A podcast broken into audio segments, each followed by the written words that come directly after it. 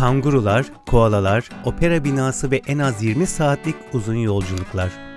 Sanırım nereden bahsettiğimi biliyorsunuz.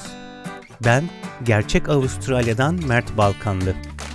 Avustralya kültürü hakkında öğrendiklerimi, burayı dünyanın diğer bölgelerinden ayıran özelliklerini ama en fazla da Türkiye'deki yaygın alışkanlık ve geleneklerden çok farklı olan yaşam tarzını her hafta sizinle paylaşacağım. Ancak Avustralyalıların yaşam tarzıyla ilgili ayrıntılara girmeden önce resmi olmayan rakamlara göre günümüzde tahminen 150 bin Türkiye asıllı insanın yaşadığı bu bol güneşli ülke hakkında birkaç bilgiyi sizinle paylaşmak istiyorum.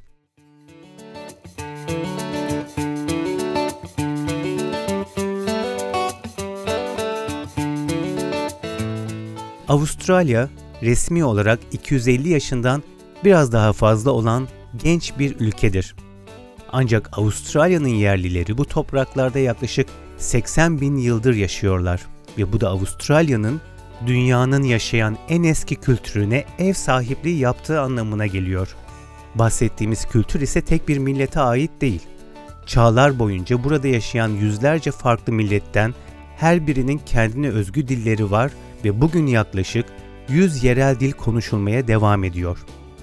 İlk halkların bu topraklarla ilişkileri fiziksel, ruhsal, sosyal ve kültürel ve bu bağlantı günümüzde de hala devam etmekte.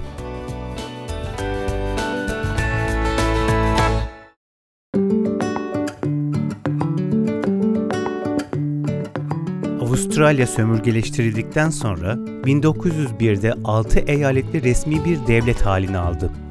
Avustralya dünyanın en büyük 6. ülkesi.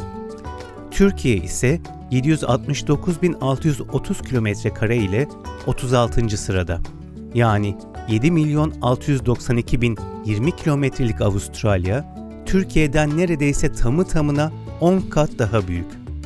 Avustralya bu kadar büyük bir ülke olmasına rağmen aynı zamanda dünyanın en küçük kıtası. Çoğu insan Sydney Opera binasının bulunduğu Sydney'i Avustralya'nın başkenti sansa da aslında başkent Canberra. Başkent olmak için kıyasıya rekabet eden Sydney ve Melbourne yerine herkesi memnun edecek bir uzlaşma yoluna gidilmiş ve Canberra seçilmiş. Avustralya'nın şu anki nüfusu yaklaşık 25.4 milyon ve resmi dili İngilizce.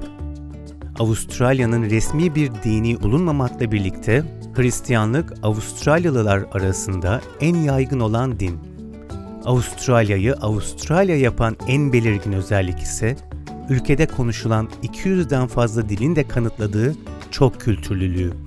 Buna elbette Türkiye'den gelen gelenek ve göreneklerin çeşitliliği ve Türkçe konuşan toplumumuzun lehçeleri de dahil.